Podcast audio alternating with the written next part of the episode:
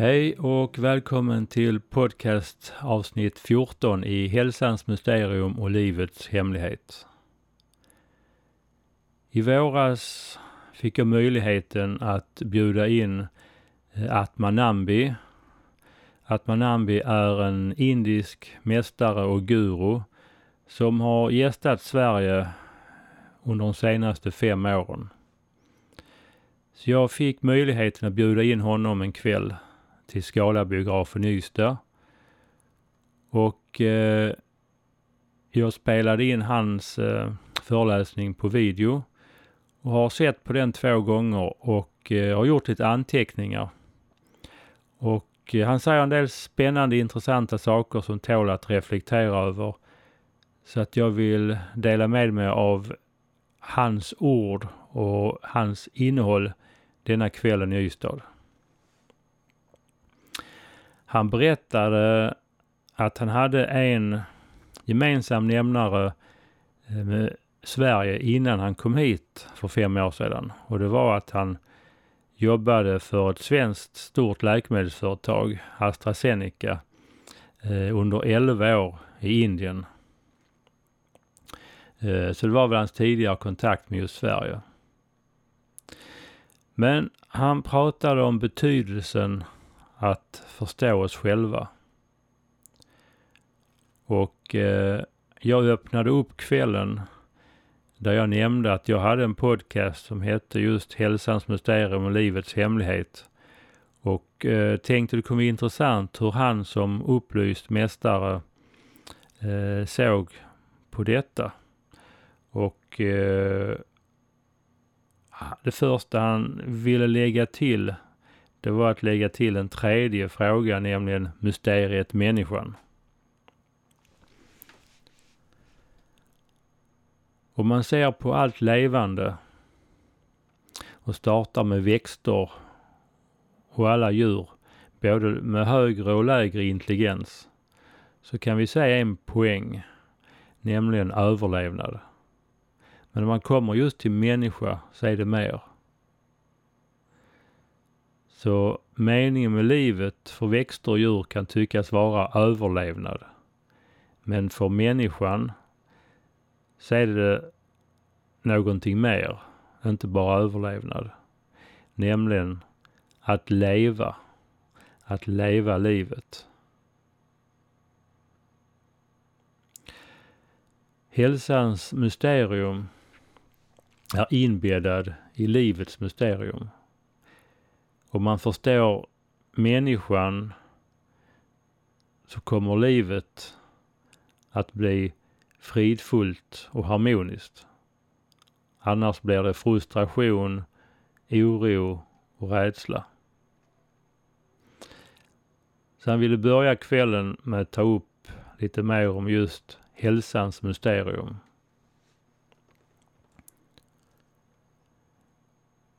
I dagens samhälle så är det mycket vetenskap, teknologi och allt ska gå snabbt.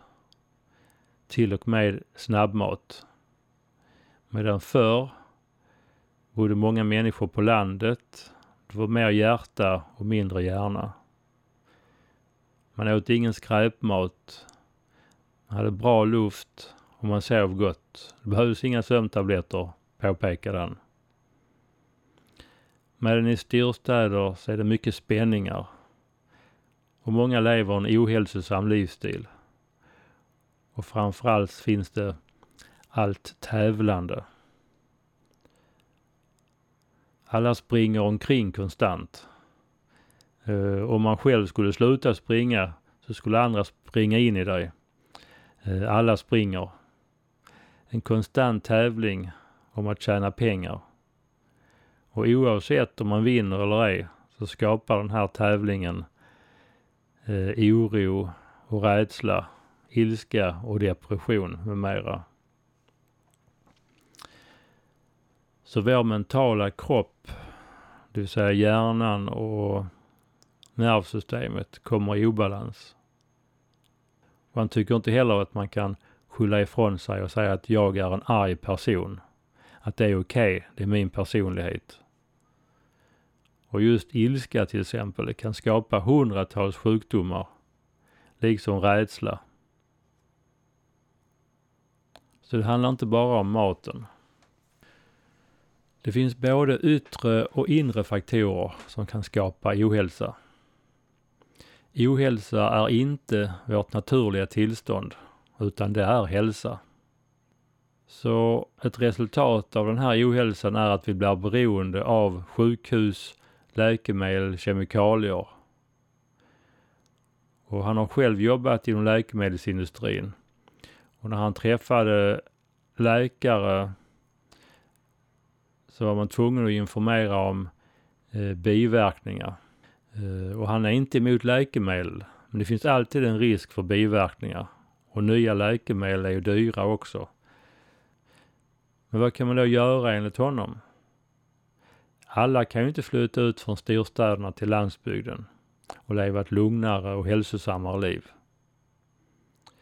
Det är ju i och för sig ett fritt liv och en del väljer att göra det här valet. Men är det möjligt för alla? Vi behöver förstå mysteriet i oss. Det var därför han lade till mysteriet med människan. Vi är ett mysterium.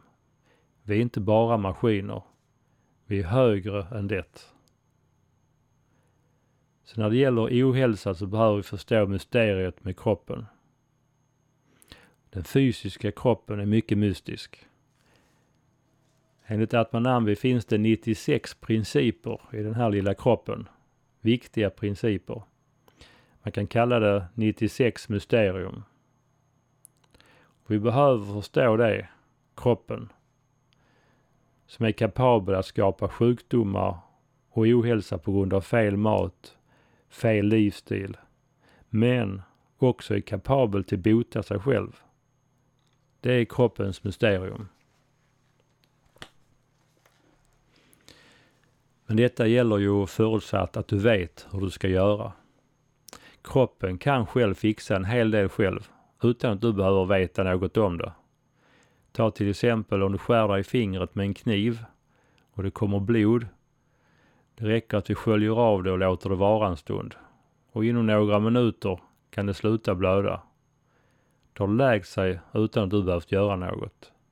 Det finns mekanismer som fungerar i blodet. Det finns en intelligens. Kroppen har intelligens. Kroppen vet hur den ska behandla sårskadan. Så kroppen är en healer av sig själv. Och till exempel när vi får en virusattack. Det finns ingen egentlig medicin för detta. Om vi bara tar det lugnt och väntar i några dagar och sen är vi botade. Vem gör detta? Tror du att det sitter en läkare inuti kroppen? Eller en sköterska? Det är kroppen som är läkaren. Det är kroppen som är medicinen. Han sa det att jag jobbar på apotek, men jag säger till er alla att det finns ett apotek inuti er alla. Så Lars, han jobbar på ett apotek på yttre, på utsidan.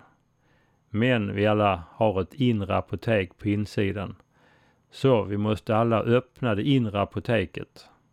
Det inre apoteket är ett mysterium i kroppen som kan läka sig själv. Och vi behöver förstå det här mysteriumet, hemligheten som göms i den fysiska kroppen. Vi behöver bli nyfikna, nyfikna på detta för att försöka förstå hur kroppen kan läka sig själv.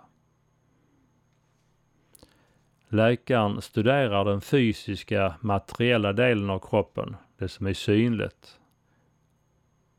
Men det som han pratar om är det osynliga. Du kan själv studera detta osynliga i din egen kropp. Och hur ska man då studera detta? Ja, du behöver inte gå till någon institution eller skola. Du kan studera det oavsett vad du jobbar med och vad du har för yrke. Och inte bara studera. Du är kapabel att finna den inre medicinen själv. Och sen tyckte han att eh, den här medicinen kallar man i vårt samhälle i väst idag för alternativ medicin. Men han skulle tvärtom vilja kalla det för den vanliga medicinen. Och att den vanliga medicinen är istället alternativet. För att studera din egen kropp, är inget alternativ. Alla människor andas. 24 timmar om dygnet, sju dagar i veckan. Andningen är mycket viktig för att överleva. Det är en vanlig kunskap som alla har, eller hur? Om man inte andas så dör man. Det vet till och med ett litet barn. Men det finns ett mysterium i andningen också. Syftet med andningen är att överleva i kroppen. Men går man djupare och förstår andningen förstår man att andningen är en av medicinerna också. Andningen är inte enbart för överlevnad utan också för att förhindra många, många sjukdomar om du vet hur du ska andas. Man kan studera och mäta andningen liksom man kan mäta puls, blodtryck och blodsocker.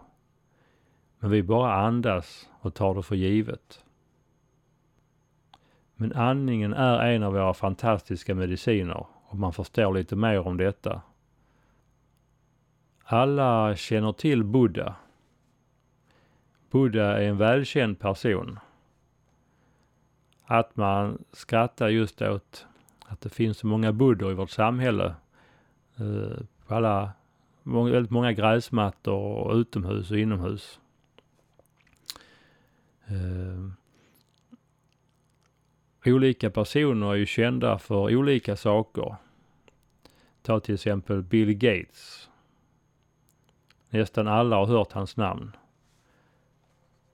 Så olika personer är kända för olika orsaker, eller hur?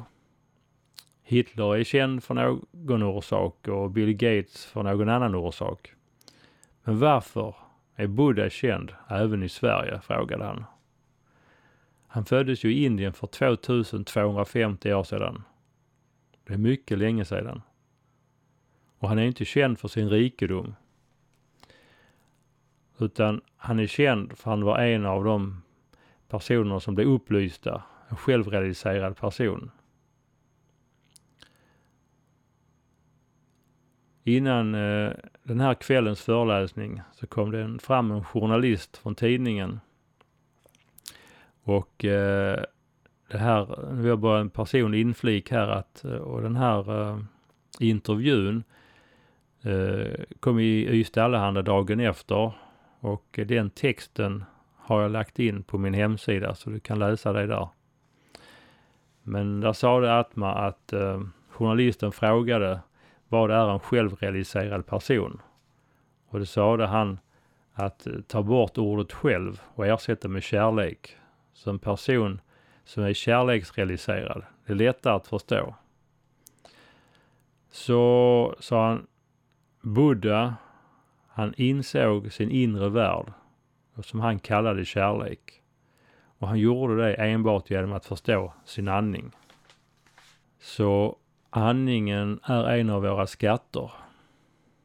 Inte bara för att hålla kroppen levande, inte bara för healing och hälsa, utan också för att få en person upplyst.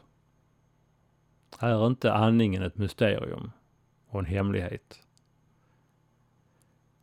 Vi har många, många mysterier med vår lilla kropp och andningen är en av dem. Om du tittar på ett litet nyfött barn som andas och en vuxen så ser du skillnaden. Barnet är hälsosamt och mycket levande och kärleksfull. Därför är alla intresserade av ett litet barn. Vi vill krama det. Det är så fullt av kärlek. Ett litet barn har inget hat. Det kommer senare och det är en annan historia. Du kanske tror att ett litet barn och en vuxen andas på samma sätt, men det gör de inte. Ett nyfött barn har en väldigt hälsosam andning. Därför har det ofta också så bra hälsa om det inte har en bakteriell infektion. Ett litet barn andas på rätt sätt. Det andas från naveln till näsan. Barnet är kärlek och närvaro som bara skiner. Men många vuxna, de andas bara hälften. Från bröstkorgen till näsan. Ni har säkert hört talas om lama-människor som lever i Tibet. De kan andas som kan vara i minusgrader i tunna kläder. Man kan ju undra, har de inga känslor? Men de har mycket känslor, sa Atma och skrattade. De kan svettas i kallt väder istället för att darra. Hur är det möjligt? Hemligheten ligger och finns i andningen, inget annat. Jag försöker nu ge er andningens hemlighet. Hur andningen kan påverka en människas liv. Andningen har så många fler syfte än överlevnad.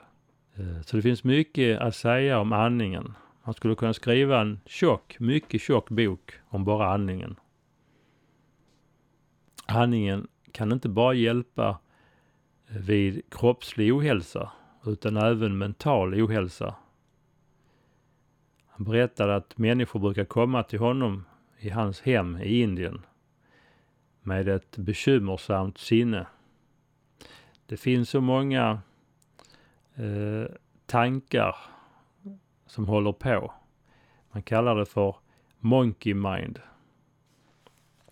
Tankar och apor som hoppar i alla riktningar på en gång. Och jag frågade ju honom om livets mysterium. Och han sa det än en gång att om du verkligen vill veta livets mysterium så måste du förstå hur det här apsinnet också fungerar. Som finns i huvudet. Så människorna som kommer till mig med ett bekymrat sinne, med så många tankar. Ibland lyssnar jag på deras historier eh, och jag ger dem oftast enbart andningen. Så mitt svar och recept är andning. Jag ger ingen medicin. Andningen är medicinen. Oavsett om de är deprimerade, oroliga eller har ångest. Alla får samma recept, andning. Och som är tillgänglig 24 timmar om dygnet, året om. Ta den här medicinen, säger jag. Andningsmeditationen. Och de kommer ofta tillbaka efter några dagar och säger oj, tack så mycket, nu sover jag bra igen. Så vi behöver förstå oss själva. Innan vi förstår någonting utanför oss behöver vi först förstå oss själva. När han var i Sverige tidigare så fick han frågan om vad som är vårt ansvar eller skyldighet som människa. Och jag svarade att lära känna dig själv och att förstå dig själv, det är vår första skyldighet och ansvar som människa. Att du vet, att veta att du är ett mysterium. Det finns så många hemligheter inom oss. Och det finns en möjlighet att förstå den här hemligheten genom vår andning. Om du lär dig andas så behöver du inte gå till läkaren så ofta. Och man behöver inte heller gå till någon astrolog. Buddha blev en vis man. Han upptäckte alltså hemligheten med andningen. Alla som använder det får resultat. Det bästa är att det är ingen tävling.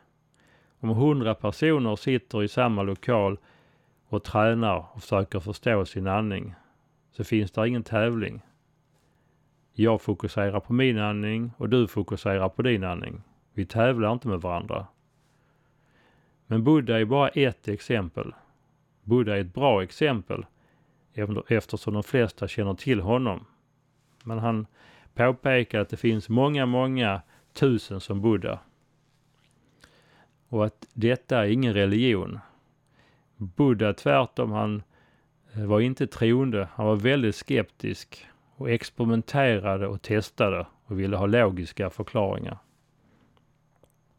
Så om vi använder verktygen som till exempel andningen så kommer vi förstå livets mysterium och hälsans mysterium.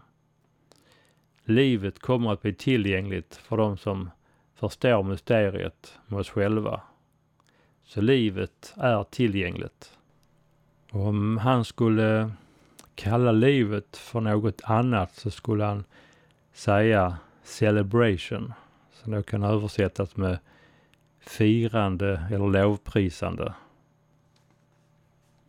Så om du vill ha ett liv med firande så behöver du gå inåt. Se mysteriet i dig som göms i kroppen. Och när du börjar din inre resa så kommer du att bli friskare. Du kommer att lyckas. Men det beror på hur mycket intresse du har av dig själv. Och du kan egentligen inte misslyckas. Så ägna dig åt din andning och undersök den. Så har du börjat den inre resan. Sluta inte, utan fortsätt med andningen. Inandning, utandning. Mm, så märker man ibland att inandningen är svalare än utandningen. Och ibland är längden på andningen olika långa. Ibland är det lite kortare, ibland lite längre. Ibland lite snabbare och långsammare. Men nöj dig inte med detta utan gå djupare. Studera det vidare. Iaktta andningen och andningen kommer att visa dig och ge dig svaren. Var nyfiken och du kan alltid träna. Så det finns alltså 96 principer och andningen är ett av flera verktyg. Och nu ville han, eller därefter så ville han prata lite om sinnet, the mind. Kunskapen om vårt sinne, det ökar i världen. Fler och fler börjar förstå hur sinnet fungerar.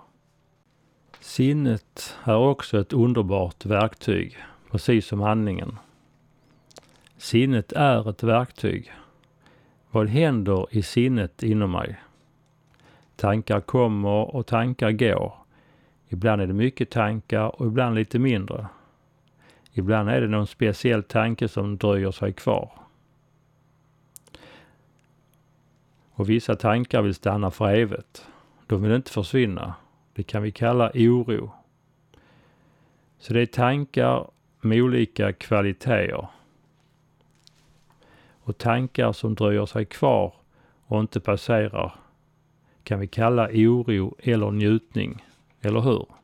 En positiv tanke som stannar ett tag ger dig en viss form av angenäm upplevelse. Och om tanken istället bär på negativitet, det kan ju vara så att någon förolämpar dig för tio år sedan genom några värdelösa ord. Den speciella tanken kan stanna i ditt sinne länge. Den börjar gro och utvecklas, utvecklas, utvecklas och stannar. Eller någon lurar dig på pengar. Eller någon relation.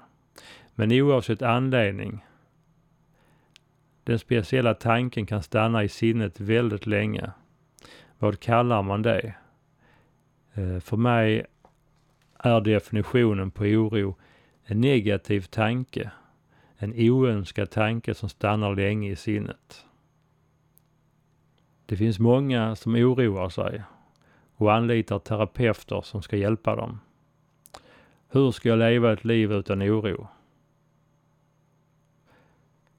Han menar att vi kan hjälpa oss själva.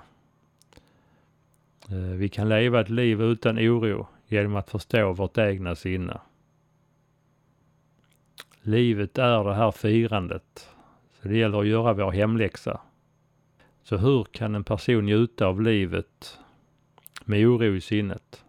Så han menade att livet är tillgängligt för dem som vill arbeta med sitt sinne och ta bort sin oro. Eh, och livet betyder glädje utan orsak. Det är inte som att fira jul, nyår eller påsk utan ett helt enkelt firande utan anledning. Eftersom livets natur är firande. Så för att delta i det här firandet av livet, vad är hindret? Ja, oro är hindret för många, eller smärta. Och han ville påpeka här att han pratar om psykologisk smärta, inte fysisk smärta. Fysisk smärta medan han på eh, försvinner oftast snabbare. Men psykologisk smärta, den kan leva i en människa hela livet. Vi har sår. Och hur blir vi av med sådana här psykologiska sår? Och här var han väldigt tydlig och betonade att det finns ingen i hela världen som kan bota detta utom vi själva. Det är bara vi själva som kan vara din egen doktor här. Doktorn kan endast behandla den fysiska smärtan, men inte den mentala smärtan. Endast vi kan göra det själva. Om vi kan och förstår den här teknologin. En enkel teknologi, säger han. Att förstå sitt eget sinne. Vad är mitt sinne? Vad händer inom mig? Vad är sinnets natur? Varför stannar en del tankar kvar inom mig? Varför passerar andra bara förbi? Vad händer inom mig? Kan jag få kontroll? Detta är frågan. Kan jag få kontroll? Vi har inte kontroll över solen, naturen eller klimatet. Men vi kan få kontroll över vårt sinne. Det är fullt möjligt. När vi har kontroll över vårt sinne så kommer livet att bli fullständigt annorlunda. Det kallas transformation. Inre transformation. Det betyder att du får kontrollen över ditt eget sinne. Då lever du ett totalt annorlunda liv. Ett liv med kärlek, firande och inre frid. Men vem förhindrar detta? Vem är fienden? Vem är det som inte gör det här enda jobbet? Det finns ju inte långt borta. Det är ju ingenting som händer eller ska ske i Kina eller Kanada, utan just här. Tekniken är enkel. Det handlar om att kunna hantera sitt sinne. På samma sätt som du kan lära dig att andas kan du också lära dig hur du ska hantera sinnet. Du behöver inte offra din familj eller någonting. Du kan göra det när som helst under dygnets 24 timmar. Du kan till och med tillämpa tekniken när du jobbar. Men vem är det som förhindrar detta? Vad är problemet och motståndet? Är det sinnet? Vem är motståndaren som inte jobbar med detta? Så vi behöver bli experter på den här inre kunskapen, inte enbart det yttre. Detta är hans önskan. Det är därför som han är här. Eh, Atma är inte i Europa för att turista, utan för att hjälpa människor med den inre kunskapen. Vi är bra på det yttre tack vare tekniken, universitet och Google. Men vi behöver till exempel kunskapen om det inre, det vill säga att veta om andningen, sinnet och det inre mysteriet. Vi är inte bara kött och ben. Vi är inte bara maskiner. Maskiner som gör pengar. Vi är något mer. I länder som Indien säger man att varje människa är respekterad som Gud. Eftersom Gud är det högsta. Därför kallar man varje människa för Gud. Hela universum är gömd inuti oss. Universum som ni ser existerar också inom oss. Vi är inte bara kött, ben, hjärta och lungor. Det är något osynligt mysterium med människan också. Detta är mysteriet med livet och med hälsan. Ni har alla hört om mirakel och någon övernaturlig människa som gör mirakel. Som använder sig av den inre kraften. Vi har en inre kraft. De har upptäckt det och lärt sig använda sig av det. Allt detta är möjligt för de som har upptäckt sig själv. För vem de egentligen är. Allt är möjligt. En del av er som lyssnar känner redan till en del av detta. För andra är den här informationen ny. För er som den här informationen är ny för behöver ni vara mer nyfiken av detta. Och för er som redan är på väg, stanna inte, gå vidare. tills ni når punkten av tillfredsställelse. Tills man kommer till en punkt där man inte längre har några frågor utan kan eh, nå full firande. Tills man når den punkten, stanna inte din inre resa. Och du behöver inte fråga någon annan om du har kommit fram. Du vet det själv.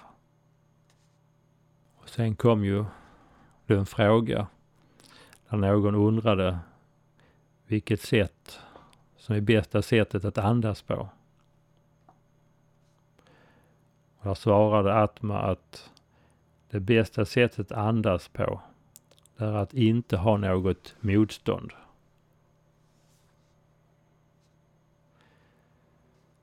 Du följer din andning när du andas in och ut. Iakttar flödet. Och om inte flödet är där så arbetar du med det på en gång. Men det finns många sätt att djupare in på detta. Men det ska inte finnas något motstånd under själva inandningen. Och vår karaktär är inbyggd i andningen. Så var uppmärksam på din andning och kontrollera att den är normal. Och så fort andningen är justerad, var bara uppmärksam. Det är inte bara inandning och utandning. Det är något djupare. Du kan ägna dig åt din andning som ett eget forskningsområde. Var uppmärksam på andningen utan värderingar. Du kommer naturligtvis att uppleva lite kroppssensationer lite då och då. Var uppmärksam på det också. Känslor poppar upp då och då. Var uppmärksam på det också. Och tankar rör sig. Var uppmärksam på det också. Ju djupare du går med din uppmärksamhet på din andning så kommer en del känslor kunna komma fram. Och detta är en del av din forskning. Du kan ju ställa dig frågan om vad som är kopplingen mellan andning och känslor. För de är väl sammanlänkade. Och han menade om du verkligen vill jobba med dina känslor, jobba då med din andning. För hemligheten ligger i din andning, inte i dina känslor. Atmanambi berättade också att han brukar ha andningsmedvetenhetsretriter lite varstans i världen. Ibland kan det vara en dag, ibland tre dagar eller till och med 21 dagar. Och eh, då kommer människor med i det här programmet. Första dagen händer oftast inte så mycket. Men redan andra dagen så kan till exempel någon person börja gråta. Och var kommer den gråten ifrån? Bara genom att sitta och uppmärksamma sin andning. Andra kan bli arga när de uppmärksammar sin andning. Kan ni tänka och föreställa er det? Man bara uppmärksammar sin andning. Och hur kommer ilskan?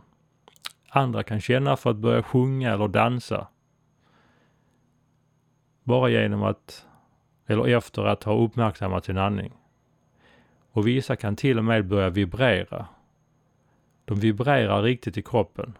Och det är inget som görs medvetet. Ändå börjar kroppen vibrera. Och han menade det finns en anledning till allting. Och varför kroppen börjar vibrera när du bara iakttar din andning, det förklarar han med att, att eh, när du iakttar andningen sker det olika processer inom dig. Och det genererar stora mängder energi. Och den här energibanken kan öppnas. Och kroppen är så liten men energin är så stor inom dig. Det är som en stor elefant som kommer in i en liten stuga. Så det är mycket som kan hända och det är ett mysterium. Och det kallas en inre resa.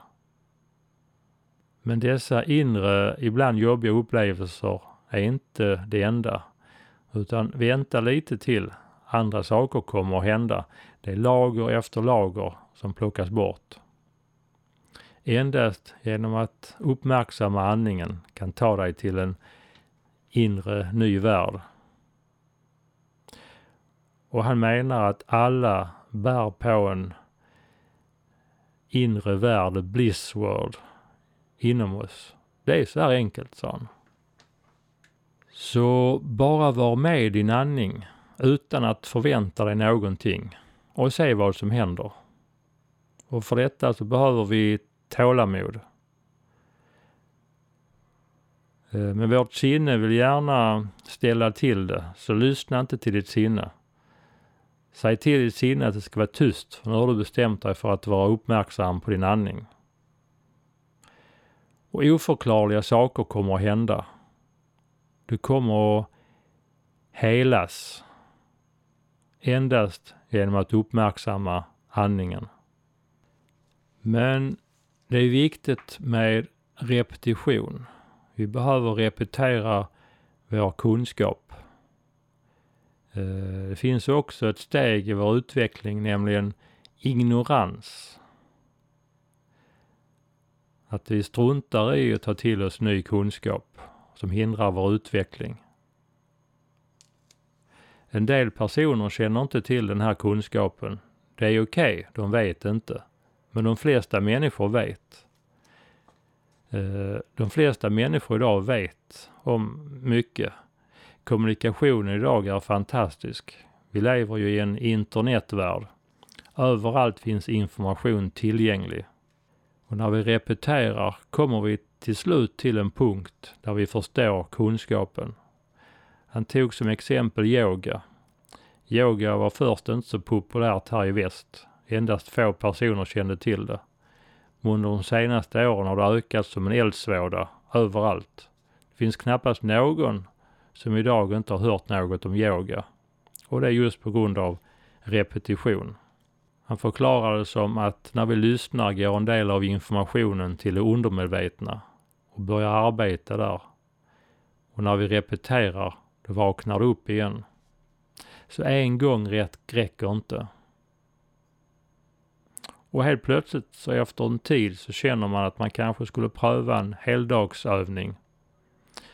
Eh, Endast kunskap är tråkig och många attraheras inte enbart av kunskap. Det behövs upplevelser och erfarenhet. Det är bra att få smaka på det. Och en dag beslutar man att det är bra för mig. En dag känner man eh, att det känns bra. Så den bästa läraren är erfarenhet. Första gången kan det för många kännas meningslöst och man ifrågasätter allting. Åh, kan man tycka. Det är jobbigt att bara sitta stilla. Varför uppmärksamma andningen? Tills man har fått erfarenheten. Och Atma har ju varit i Europa varje år de senaste fem åren. Så han försöker komma till Europa en gång per år. Och eh, vi ska försöka göra en endagars retreat i Ystad nästa år, alltså 2019. Eh, så hör gärna av er om ni är intresserade av detta. Och det är just därför också som jag själv har haft lite sammankomster en eller två gånger om året på Skala biograf i Ystad. Just för att personer som sitter och läser och studerar ska kunna mötas och träffas och få en gemensam erfarenhet av någon träning också tillsammans och reflektionsutbyte. Och just för att få lite erfarenhet så gjorde vi därefter en uh, övning tillsammans. Och den är ju svår att återge nu mitt så här efter över en halvtimmes pratande. Så jag kommer att uh, spela in uh, övningen separat och lägga ut den som en extra egen fil eh, i samband med denna podcasten. Men eh, vad vi gjorde under övningen var att vi satt stilla i tystnad och fick information om att du skulle slappna av i kroppen och lugna ner sinnet. Att vi bara skulle vara uppmärksamma på nuet och inte fokusera på något speciellt. Att vi bara skulle lägga märke till det som skedde utan etiketter, utan värderingar och låta tankar, känslor och kroppssensationer få lov att komma och gå. Och att inte tillåta att vi reser iväg med tankarna. Och jag menar att bara sitta i den här vilan på det avkopplade sättet kan man göra i timmar om man vill. För man blir inte trött, tvärtom så får man energi.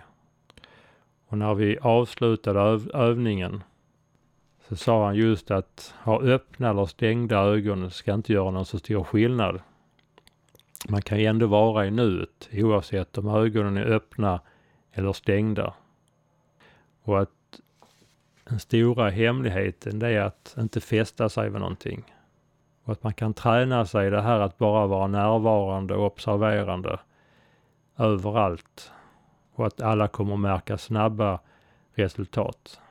Och att man kan träna på morgonen, på eftermiddagen, kvällen, i sängen, i, se, i sängen. Om sömnen inte kommer. Så när som helst är rätt tid. Och att vi blir av vana fäst vid det vi gör. Våra känslor, våra tankar, människor med mera, med mera. Men fästa inte vid någonting. Låt saker hända och bli vittnet. Se och bevittna hela scenen. Detta är nyckeln. Och då sker healing. Det inre apoteket, det verkar i nuet. Och om du är i kontakt med nuet så öppnar apoteket sig. Detta är ett enkelt sätt. Så bryt den gamla vanan. Att vara fäst vid allting. Och det som de flesta gör är att när vi ser någonting alltså, det försvinner vi in i det du ser. Men stanna kvar i nuet, säger han. Och fortsätt titta, så vinner du mycket på det. En mycket enkel hemlighet. Att inte identifiera sig med sina tankar, känslor och kropp. Du stannar kvar i din närvaro. Det är där det inre apoteket finns. Sen avslutar med att säga, är inte det här väldigt enkelt? Så fortsätt med din träning. Gör hela livet till en kontinuerlig process. Det är inte en gång meditation, utan alltid meditation. Och då får du ett fantastiskt resultat. Det finns ingen enklare teknik än detta. Så, det här var min sammanfattning av kvällen med Atmanambi på Skalabiografen i Ystad. Och denna informationen ligger på min hemsida amixe.se. Och där är min ambition att inom kort även lägga upp övningen som vi gjorde. Kanske inte exakt ordagrant, men ungefär så att vi får en uh, möjlighet att träna på den här typen av övning. Och sen är min ambition att fortsätta min podcastserie och göra en liten inriktning nu på där vi ska gå lite närmare på just upptäckten. Vad är en människa? Hoppas du fann den här uh, föredraget intressant. Jag har valt att inte kommentera det utan detta var ju hur han pratade den kvällen. Men jag tror nog jag kommer återkomma och kommentera några av de här punkterna senare. Tills vi hörs nästa gång.